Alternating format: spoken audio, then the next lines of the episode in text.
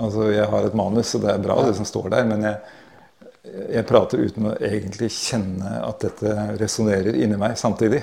Ja. Eh, Det syns jeg er en fæl opplevelse. Ja. Altså, jeg, jeg kjenner jeg, jeg, jeg må kjenne at jeg, at jeg har med meg selv, da.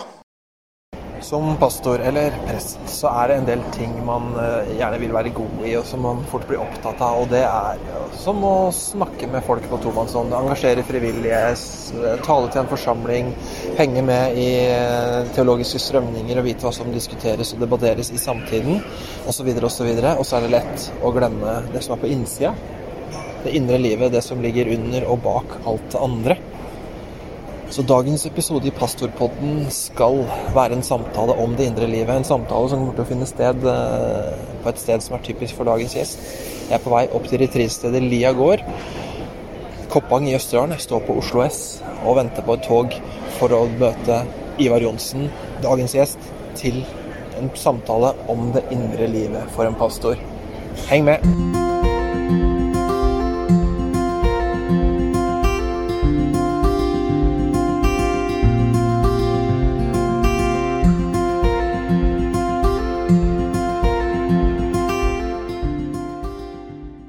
Så da står jeg på Lia gård, inne på Østerdalsskogene. Eh, retreatsted, som det kaller seg. Eh, som har eh, vokst opp gjennom mange tiår og blitt mer og mer. Og stadig flere bygg. Stadig flere kirkebygg og kapeller som er bygd rundt mellom trærne. Eh, her er det stavkirke og greskapell, og det er stabburskapell, og det er en kirke. Jeg skal møte dagens gjest i Skogskapellet, et av de små kirkebyggene her oppe. Et brunt, lite kapell nede mellom eh, furutrærne, grantrærne. Der skal jeg ha en prat med Ivar Johnsen. Ivar Johnsen er pastor, jobber med utdannelsen av pastorer i Frikirken. Han er retreatleder. Han har veileda mange mennesker i samtaler og i undervisning om et liv sammen med Gud. Og det er her jeg tror at Ivar Johnsen har et eller annet som jeg trenger å høre, i hvert fall.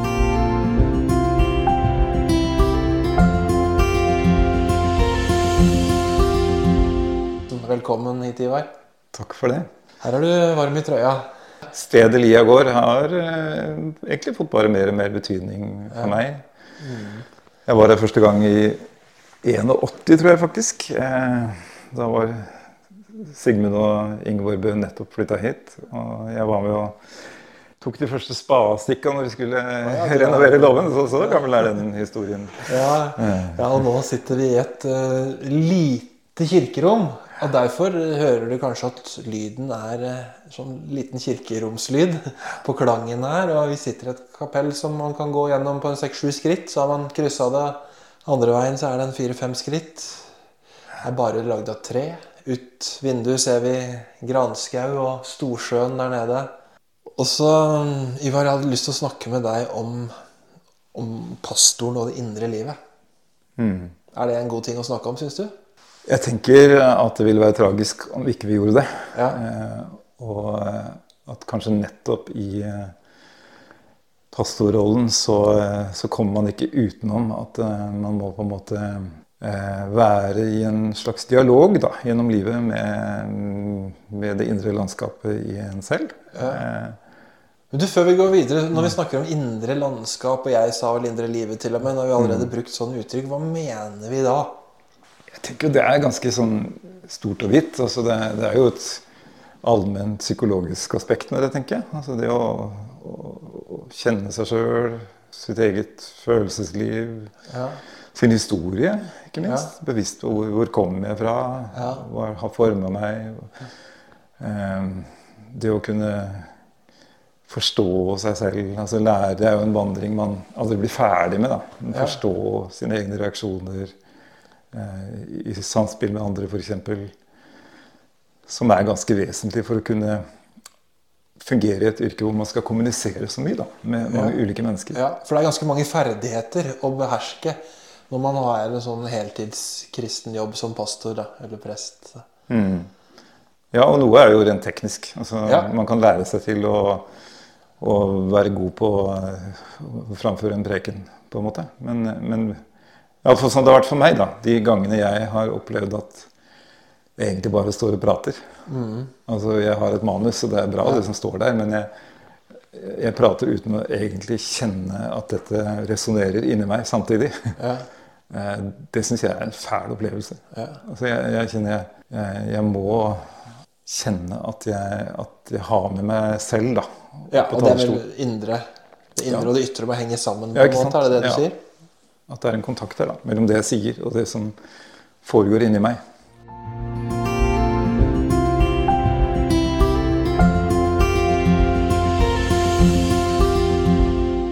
Grunnen til at jeg ville snakke med akkurat deg om dette, Ivar, det var jo at jeg, det aner meg at du er en eh, person med en indre verden der inne. Det, det, virker sånn. Og så vet jeg at du har din rolle i Frikirken. Og du har jo på en måte stått for opplæringen og utdannelsen ganske mange kull med pastorer. og jeg har bare merka at det alltid er viktig for deg å legge inn en bolk hver dag og snakke om det indre livet. Uansett hva resten av dagen bringer, så er det det indre livet som må inn mellom prekenlære og gravferdstaler og smågrupper og kommunikasjon og alt det der. Hvorfor legger du inn det hver eneste dag på et pastorkurs? Nå snakka jeg litt om den allmenne psykologiske biten, og så er det jo et åndelig dimensjon i dette her, da. Altså, vi, vi tror jo at vi er ånd, sjel og kropp, og at den åndelige delen av oss er ganske vesentlig, da. Ja. I, eh, ikke minst i å skulle utøve et sånt yrke. Og da tenker jeg at det er viktig om vi kan hjelpe hverandre da, til å finne gode veier og kultivere det, det åndelige livet som alltid har med Guds relasjon å gjøre. Altså, Utvikle en Guds relasjon som fungerer i hverdagen. da. Men utvikle og kultivere, er dette noe som er slitsomt, eller er det Altså, det er jo litt sånn ordet vi bruker. Hvordan Det er alltid en, en, jobb når man må planlegge for ting, f.eks. Innarbeide gode vaner. For det har det jo, det har jo med det å gjøre òg. Mm. Men først og fremst så tenker jeg at det er ufattelig spennende. En, eh, en reise som en skulle ønske alle mennesker fikk del i. eh, Og som jeg, jeg syns er veldig meningsfylt å kunne gå eh, en vandring også sammen med våre nye pastorer eh, på det. da. Men du, da ble jeg veldig nysgjerrig på din vei. Ivar, Her du sitter nå, hvor gammel er du? Snart 62. 62, og du er pastor på Raufoss. Ja, det er jeg også. Og jobber med utdannelsen av pastor i Frikirken. Og så sitter du og snakker om disse tingene. Men din vei fram til her du sitter nå, på det indre livet, hvor, har det vært viktig for deg hele tiden? Ja, det tror jeg nok, egentlig. Jeg er jo vokst opp i en uh, veldig kristen heim, da. Eh, på bygda Drangedal i Telemark. Bedehusmiljøet. Og mine foreldre var sterkt engasjert. Og, og jeg var med på det meste som skjedde der. Og, og har egentlig veldig gode både minner og, og, en slags eh, Jeg tror på en måte den spiritualiteten da, som var i det miljøet, har liksom forma det første rommet for, eh, for min lengsel etter Gud og mitt bønneliv. Og det var en type inderlighet som jeg opplevde som ekte. eh, Også når jeg ser tilbake på det i dag. Eh, Som jeg er veldig takknemlig for, da. Men eh, Du sta starta på bedehuset. ja, vi gjorde det. Ja. Det Sånn skikkelig vekkelseskristendom. Jeg, det var faktisk en sånn ganske stor bygdevekkelse. Da jeg var sånn 11-12 år, som eh, ja, jeg også ser på som noe stort i mitt liv. Altså det, som vi var tungt involvert i som familie. Da. Ja. Men så skjedde jo, da jeg var sånn 15-16-årsalderen, så, så slo jeg den karismatiske bølgen også inn eh, over store deler av Kristen-Norge. da. Så, og min familie, mine foreldre, var på en måte tidlig ute i det. Eh, Så, så det var jo også impulser som eh, fikk stor betydning for meg, vil jeg si. Jeg var mye mer rundt på såkalte dypere liv-konferanser. Og, og videre så, da jeg var ferdig med videregående, så var det egentlig veldig naturlig for meg å ta en tid i Ungdom i oppdrag. Som jo både hadde denne karismatiske åndeligheten, inderligheten og et sterkt misjonsperspektiv, som, som også egentlig alltid har vært viktig for meg. da. Eh, To, to og et halvt år der så begynte jeg som menighetsarbeider i eh, Hamar frikirke. Og fikk eh, smaken på noe som jeg nok aldri hadde eh, vært borti på samme måte, nemlig en, en, eh, en kjærlighet til menigheten. Da. Det bygger menighet. Eh, så det var en, en skikkelig eh, hjemkomst, egentlig, til noe jeg eh, Jeg hadde sikkert sett konturene av før, men som, som, jeg fikk lov til å være veldig aktivt med i å, å utvikle. Veldig takknemlig for den tida. Samtidig så gikk det jo ikke så lenge før jeg begynte å kjenne at det var noe som lugga skikkelig. Ja, Hva var det? Nei, jeg begynte å bli veldig sliten. Eh, høye skuldre. Ja. Tror jeg nok folk så at jeg hadde. Eh, jeg var ekstremt opptatt av at folk skulle ha det bra rundt meg, at menigheten skulle vokse. Hadde nok, for å si det litt eh, med litt store ord, da, at jeg, jeg hadde nok en opplevelse at jeg skulle frelse verden. Mm. eh, og Greide du det? Jeg gjorde ikke det, vet du. Nei. Det er det som eh, Sjøl om jeg fikk se tiden i UiO, f.eks., se mennesker komme til tro og sånn, så, så, var jo behovene der ute så ekstremt store. Og uh, jeg opplevde nok etter hvert at mitt bilde av Gud var nokså eh, begrensa. Altså, det var eh, mye jeg som bar min tro, og kanskje egentlig bar Gud også. Måtte holde han oppe litt. Så det, det, er mange årsaker til, til, at jeg gikk inn i en ganske dyp krise. Men, eh, men det var det i en tre-fire års tid hvor jeg var ganske syk, faktisk. Mm. Og måtte kutte ut både studier jeg holdt på med, og tjeneste i menigheten og mye sosialt liv. Og møtte skikkelig veggen da, ganske tidlig. Mm. 23 år. Og prøvde mye forskjellig hjelp uten at det hjalp. Eh, gikk mye etter forbønn, sjelesorg. Jeg tror det var viktig, men eh, det føltes ikke som det hjalp. Det gikk bare nedover. Helt til det skjedde Det var en veldig ganske dramatisk gudserfaring, rett og slett, da jeg var ja, 7-28. Eh, I stua hjemme hvor jeg hadde en, en sånn eh, helt grunnleggende erfaring av at Gud finnes. da. At han er Kom det plutselig? Det var egentlig ganske plutselig. Jeg var svært, svært langt nede. Både fysisk og psykisk. Og, og det var sånn plutselig opplevelse av at Guds nærvær fylte rommet og fylte på en måte alt rundt meg. Og, og jeg hørte ikke en sånn stemme, jeg tror ikke det, men jeg fikk en veldig sånn, sterk opplevelse av dette med at Gud er det. Altså Yahweh. Jeg er den absolutte virkelighet en annen side også som har betydd mye for meg seinere. Dette med at Gud også er far. da. Mm. En trygg, sterk, nærværende far som jeg kan lene meg til. Som jeg ikke må holde oppe. Men, ja. Men her er vi på en fase av livet hvor du er på en måte kanskje i ferd med å flytte tyngden over fra det ytre mot det indre. Hører jeg ja. riktig da? Jeg tror det. Jeg hadde vært veldig aktivitetsdrevet og opptatt av å få til ting. Eh, og fikk til en del òg. Men, eh, men, det ble for tungt å bære. For tungt å bære alle menneskene. Bære tjenesten. Bære troen. Liksom. Så det var en opplevelse av på en måte kollapse litt i det. da. Ja. Og så oppleve at det er en veldig stor og sterk hånd under der som bærer.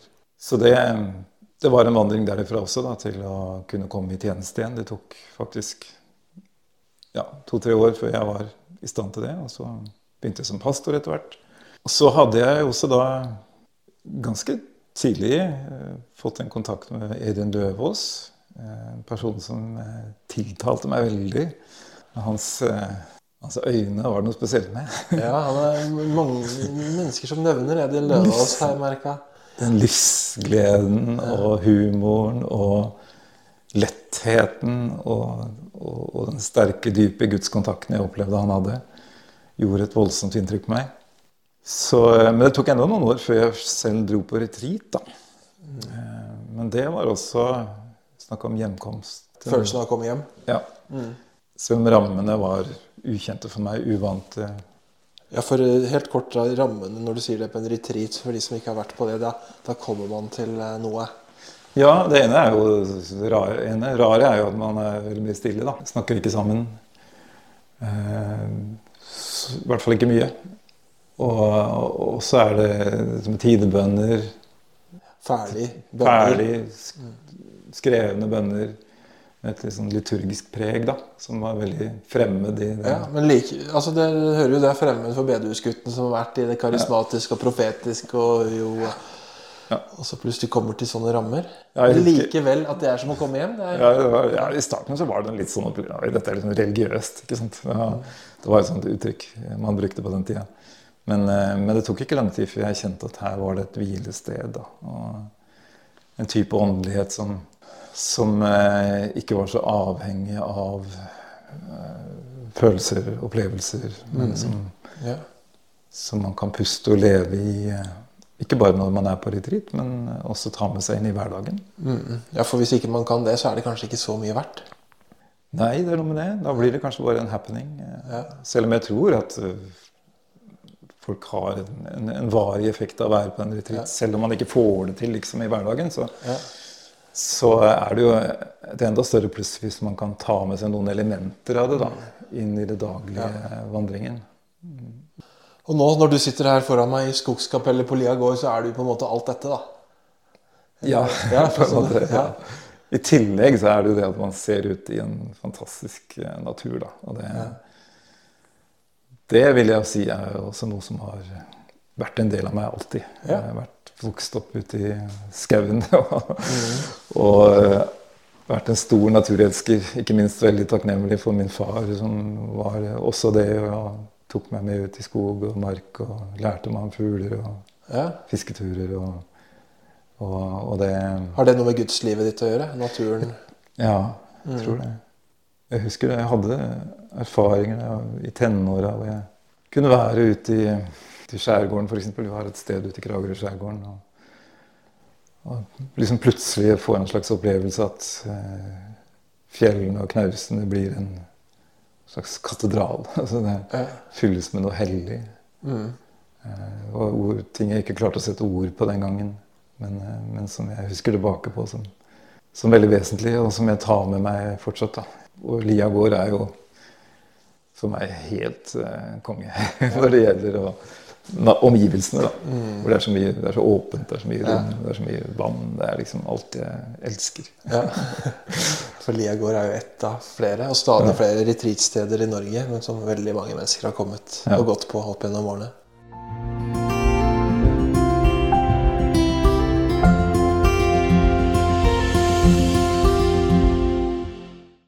Du nevner at det er veldig frigjørende for mange å skjønne at ok, det er greit å være sånn som jeg er. Eh, Jeg kan møte Gud på, ut fra de egenskapene jeg har fått. Og, og kanskje blitt frarøva muligheten til å ha et sånn kanskje indre liv fordi jeg har kjent at det er ikke for meg. Ja. Er det andre ting når vi snakker om det her som kan være hindring for folks eh, indre liv? Det som eh, jeg også støter på Jeg har samtalt med ganske mange mennesker. Eh, og også mange pastorer, i, også i ulike deler av verden. Eh, og det, en annen sak som, som blir veldig tydelig, er jo dette med, med gudsbildet. Altså og da snakker vi det, inn- det inn- hvordan jeg ser på Gud? ja, og da, det er, man snakker om det ytre gudsbildene, som er mer på en måte kognitivt hva jeg vet, hva jeg har lært på teologiske skoler og, og ved å lese bøker og sånn, og, og hva jeg føler i forhold til Gud, da, som er veldig indre gudsbilde. Eh, Og eh, det er jo en autoritet på dette feltet, Anna Maria Risuto, amerikansk religionspsykolog, som bl.a. har undervist mye om dette på Modum. Som, som har jobba mye med prester. Eh, Intervjua de og bedt de beskrive den Gud de preker om, på den ene side. Gjerne tegnene litt også. Og, og eh, den Gud de ber til. Som er sånn, når de er bånd ærlige i sitt eget og nærmer seg Gud, så viser det seg ofte at det er en veldig stor avstand. Man kan snakke frimodig om den Gud som, tale om den Gud som er nær, og som er kjærlig, og som elsker alle. Og sånn, og så så ber en, så vet en ikke om helt klarer å tro at Gud kan være glad i meg. Kan, kan velsigne meg, jeg som har rota det så til, og som mm. har et så dårlig bønneliv, og som mm. eh, har så lite kunnskap og er en så umoden person. Altså, eh, og selvbildet og gudsbildet henger jo veldig sammen her. Mm. Altså har jeg et bilde av en gud som er kikker strengt over brillekanten og gransker meg om jeg gjør ting riktig? Mm. Eh, eller har jeg en gud som, som bare står der og favner meg sånn ja. som jeg er? Eh, så får det konsekvens for hvordan jeg ser på meg sjøl. Og uh, min egen verdi, min egen posisjon i forhold til Gud. Altså, hva kan jeg forvente av Gud? Uh, er det som en sliten tjener som prøver å gjøre alle til laks og gjøre Gud til laks, eller er det som en, en, en sønn som bare får være seg selv hjemme hos pappa? Når det spriker mellom det ytre og det indre, det er jo det du snakker om nå. Mm. Når det, man står i spagat midt i sitt eget liv mellom det som er på innsiden og utsiden. Mm. Mm. Og Det er jo sånn, et, annet felt som jeg har brukt en del tid på. Og jobba litt med både i undervisning og retreat-sammenheng. Dette med å ja, dette med gudsbilder og det å, å lære å kjenne Gud nettopp som en far Eh, sånn som Bibelen beskriver så, så sterkt og så massivt, egentlig. da, eh, At det er noe Det ligger noe mye mer enn det i det enn en, eh, bare en gammel ja, Man måtte ha en måte å, man måtte finne en metafor for Gud, derfor bruker han mann-far. Mm. altså, det er noe mye dypere i det. Og også hans moderlige egenskaper, som også er så sterkt beskrevet. Han hjelper mennesker inn i en, en erfaring av det. og en Men hva, hva, gjør det med folks indre liv, da, når de erfarer dette? Jeg har jo sett en del ganske sterke eksempler på det. Hvor, hvor noe løsner liksom veldig dypt. da. Eh, Få kontakt med kanskje et litt forskremt eh, barn inni seg som plutselig kjenner seg trygg akseptert og kjenner en mer umiddelbar adgang til Guds hjerte. Større tro på at Gud kan velsigne meg, Gud kan høre mine bønner. Ja, at jeg har verdi da, på Guds ansikt. At jeg betyr noe. Og det gjør jo igjen at at eh, en kanskje kommer til de daglige bønnestundene med litt større frimodighet. da. Uh, og vi, vi, underviser jo mye på disse retreatene om hva det vil si å være i Kristus. Altså det er jo gjennom det, gjennom Han. Mm. Gjennom det å bli forent med Kristus. Så dette er jo noe som jeg har blitt veldig berika gjennom kanskje særlig den østlige fromhetstradisjonen også. Dette med de gamle mystikerne, Johannes av Korset f.eks. Dette med, med sjelens forening med Kristus. Mm. Sakramentene, dåp, nattvær. Eh, sånn at vi, vi får lov til å komme fram for Gud, vår Far gjennom Kristus og med, med sønnens hjerte og sønnens blikk. Da. Jeg har noe hos Gud å gjøre. Ja, ikke sant? Mm. Akkurat som Jesus har det. Ja. Mm. det er veldig store ting. Svimlende ting, egentlig. Mm. Men eh, fantastisk når det går opp, i hvert fall i små glimt for folk. Ja. Det syns jeg er veldig meningsfylt. Mm. Du sa det, Ivar. Det er store ting det her. Eh, skal vi prøve å gjøre det litt smått? Altså tenke mm. på de, en pastor som eh, hører på dette her og har sin kalender som er nokså full. Mm. Har en søndag som venter, og har et møte og har en samtale man skulle hatt. Og I tillegg til alt på privatfronten som kommer i tillegg. Mm. Eller hva er det som kommer i tillegg til hva? Det er jo et spørsmål. Men um, altså, hvordan kan man ta vare på et indre liv midt i det vanlige?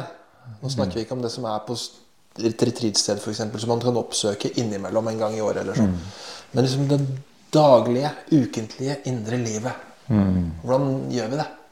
Jeg tenker jo alle må finne sin vei, da.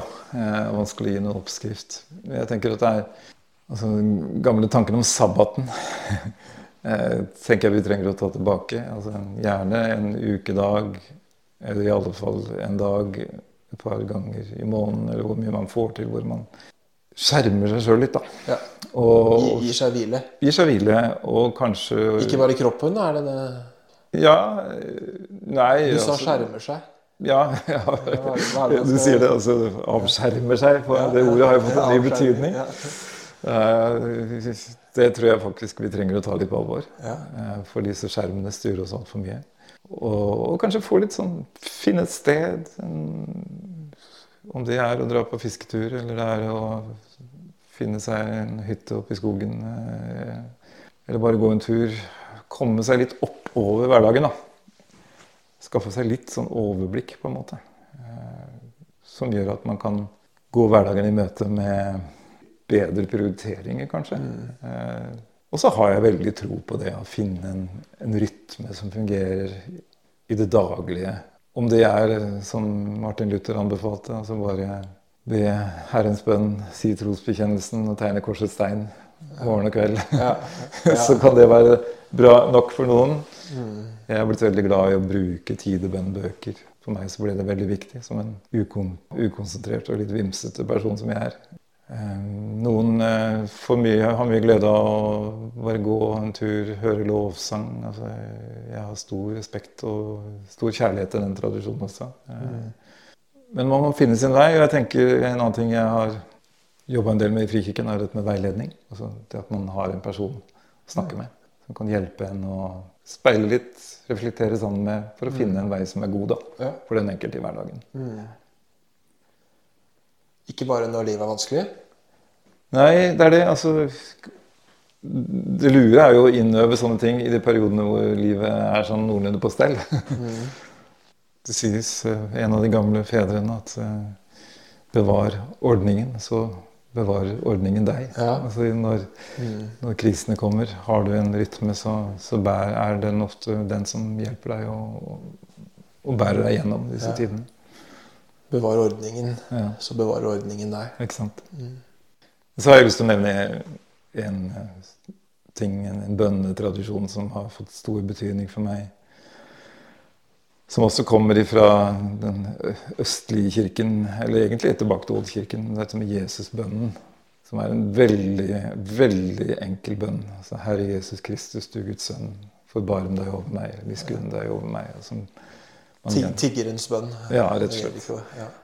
som man gjentar og gjentar og gjentar, gjerne med pusten. Og det er jo en bønn du kan ta med deg alle steder. Mm. Altså i, eh, når du blir stressa i, og står i kø på E18, eller du er i butikken og skal handle, eller du sitter og skal, skal opp og tale, og du vet nesten ikke hva du skal si. Altså bare la den bønnen gå inni deg. Ja, jeg har møtt mennesker jeg, som eh, mye, mye frommere enn jeg noen gang kommer til å bli, som sier at det er den eneste bønnen de ber. Ja. ja. Har ikke noe mer enn den. Nei, ikke sant? Men til gjengjeld sier de kanskje også at de ber den hele tiden. ja. Jeg gjør nok ikke det, men, eh, men den har vært eh, veldig stor hjelp i mange situasjoner. Du sa noe om eh, folk får finne sin vei i det her, Ivar. og Det er egentlig litt det du snakka om med trosspråkene. ikke sant? Noen Mm. vi, vi kjenner oss på hjemmebane Ja. på litt ulike måter her. Mm. Det er litt slitsomt hvis man skal liksom tenke at jeg skal ha et indre liv, og så må jeg lage en form som jeg egentlig ikke liker. Ja. Men jeg har lært at det skal være sånn. Ja. Det kan liksom ikke gå så lenge. Ja, ikke sant. Nei. Det ligger jo dette, i dette ordet, ordspråkene, da, som jo er viktig, et viktig ord i denne sammenheng. Bevar ditt hjerte framfor alt du bevarer. Og skal du bevare ditt hjerte, så handler jo det om å, å følge en vei som til en viss grad iallfall korresponderer med hva du liker. Altså hva, du, hva du har lyst til. Som du kjenner er meg.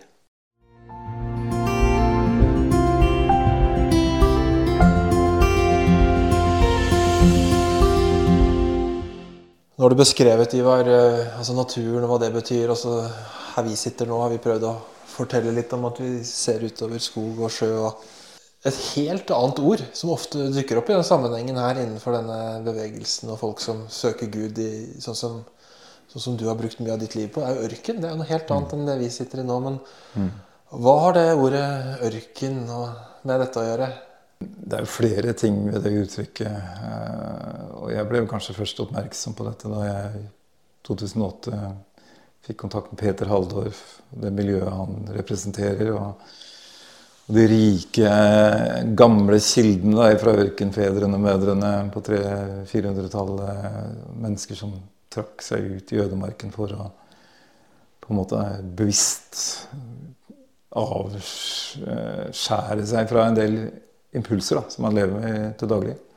For å, å få den roen i, i rammene rundt, rundt, seg som gjorde at man kunne lettere fokusere på Gud. Mm. Eh, og fant liv, åndelig styrke, som fikk en enorm betydning da, for hele kristenheten, egentlig. Ja, Det er jo en av de største vekkelsene som har vært i kirkens historie. Ja. Som kom ut fra ørkenen av folk som dro for å være mm. aleine med Gud. Ja, ikke sant? Og så blir de som magneter på folk, og så sprer det seg et eller annet veldig ja. kraftig derfra. Det er jo det. og det er jo, Når vi sitter på Lia og går, så tenker jeg det er litt av det samme. Selv om det, det er atskillig mer komfortabelt å være her enn ute i Sahara. Så, så, er det jo mennesker som har valgt å bosette seg på et veldig øde sted. Det er jo liksom litt eh, Det er ganske paradoksalt at her har man opptil 10 000 gjestedøgn i året av mennesker som vesentlig kommer hit langt opp i Østerdalen for å be. Ja. Være stille. Og jeg tror det er noe av det samme man erfarer. da, så Man legger vekk en del impulser, en del støy, kanskje. Ja. Og, og, får en Skaper et, en kanskje en mer åpen kanal da, for Guds nærvær, Guds impulser. Så er det en side ved det med ørkenbegrepet som også kan handle om at man i perioder av livet går gjennom kriser eller tider hvor de gode følelsene, de gode vibbene, altså de gode Og kanskje til og med gudskontakten oppleves mindre uh, intens, mindre tydelig. Mm. Uh, det er mange, som, mange opplever det. Mange opplever det. Ja. Og, og, er det farlig? Nei, jeg, jeg tror det, vi må, vi må alminneliggjøre det også. da. Som en del av en troendes vandring. At til tider så de gamle mystikerne sa at Gud trakk seg tilbake, men mente samtidig ikke at Gud ikke var der. Men at, eh, at eh, vår opplevelse kunne være da, at Gud var fjern. For at lengselen skal, etter Gud da, skal, skal bli sterkere. Så man kjenner enda større på savnet. Derfor så lengter man. Som når en, en kjæreste er langt, langt borte fra kjæresten sin, så så lengter en, og så bygges kjærligheten enda dypere når, er, når det er en avstand. Hvis jeg kan bare være litt sånn der um, observatør her, Ivar, så tror jeg når du snakker om ørken jeg tror at Kanskje det er grunnen til at det er mange som lytter til deg. Det er grunnen til at mange som har gått gjennom pastorløpet i Frikirken f.eks., og mange som kommer på de retreatene som du har arrangert opp gjennom årene, eh, syns at det er et eller annet fint og livgivende med det. Tror jeg, da. Du, du, trenger ikke å kommentere det, men jeg tror det er for at du kan holde sammen en åndelighet, men også si at livet er ikke så lett. Mm. Og de to er ikke to motstridende uh, utsagn. Nei. Nei. Um. Tror, det er en del av den åndeligheten. jeg tenker jo noen ganger på Jesus på korset. Altså I det ene øyeblikket så, så roper han ut i fortvilelse 'Min Gud, hvorfor har du forlatt meg?' Og så ligger det jo mye teologi i det som, som vi kan la ligge nå. Men, men, men, i neste øyeblikk, nær sagt, så kommer dette dype, tillitsfulle utsagnet 'Far, i dine hender overgir jeg min ånd'. Ja. Altså den der dobbeltheten der tenker jeg vi må ha høyde for også. Ja, ærlighet og nærhet. Samtidig. Ærlighet og tillit. Ja. Nærhet. Altså. Mm. Mm.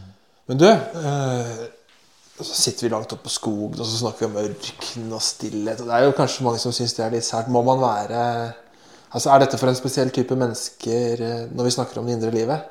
Ja og nei. altså Formen eh, på det uttrykket for det eh, vil variere. Jeg tror, jeg tror ikke det Jeg vil ikke påstå at alle bør komme seg på retreat og, og liksom begynne å elske denne formen. da. Nei. Jeg tror alle kan ha godt av det, men jeg forventer ikke at alle skal føle Nei, seg veldig hjemme. Det er jo bare en form.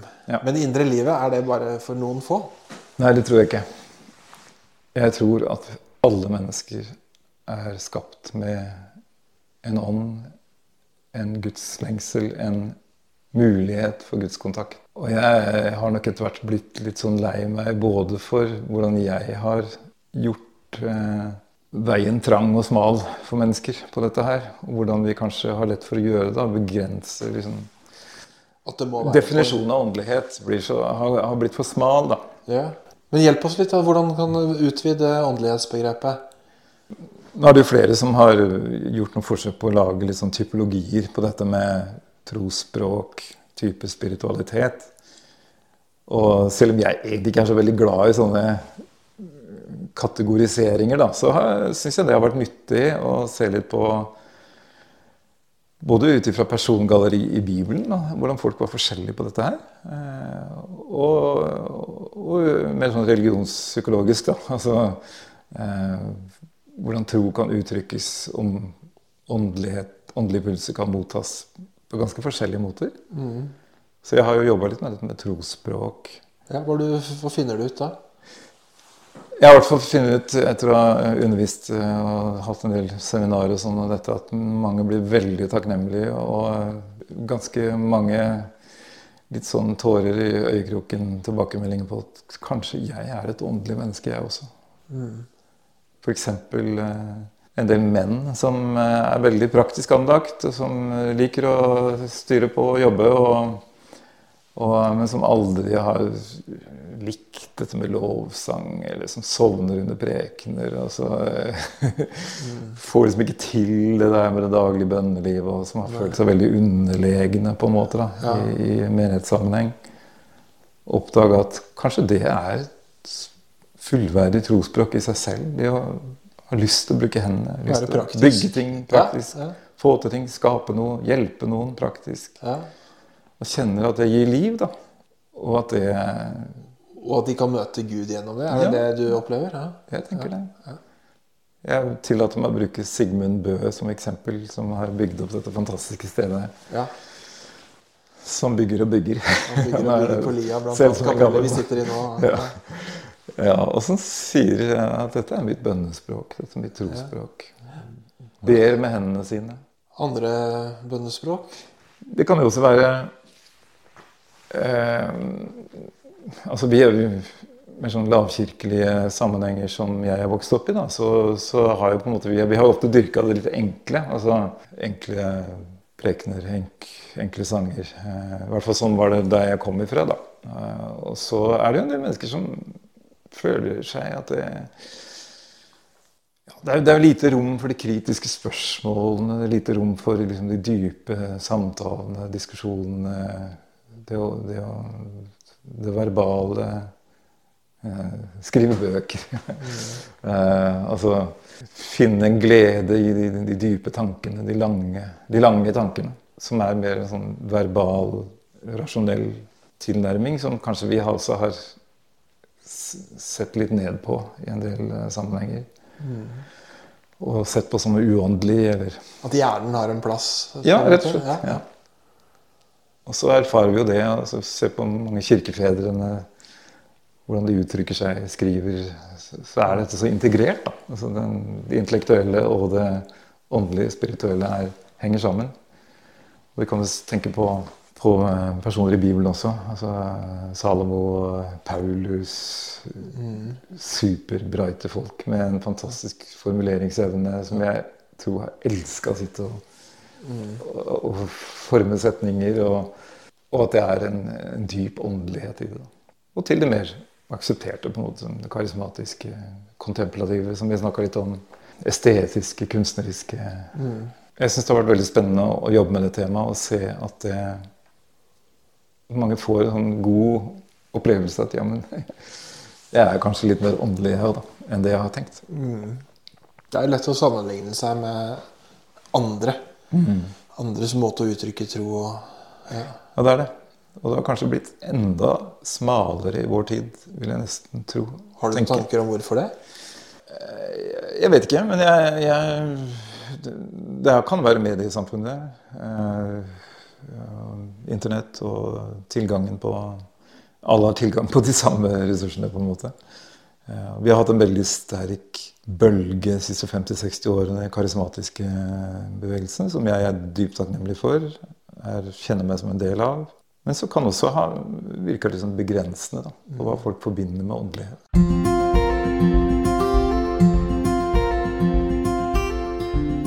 Takk for at du tok deg tid til en eh, prat med pastorpodden, Ivar Johnsen. Takk for at jeg fikk være med. Da har du lyttet til en episode av Pastopodden, som er en podkast fra Frikirken. Den er laget av meg, Jostein Ørum. Og gi oss gjerne en tommel opp der du har funnet denne podkasten, og del gjerne med en venn.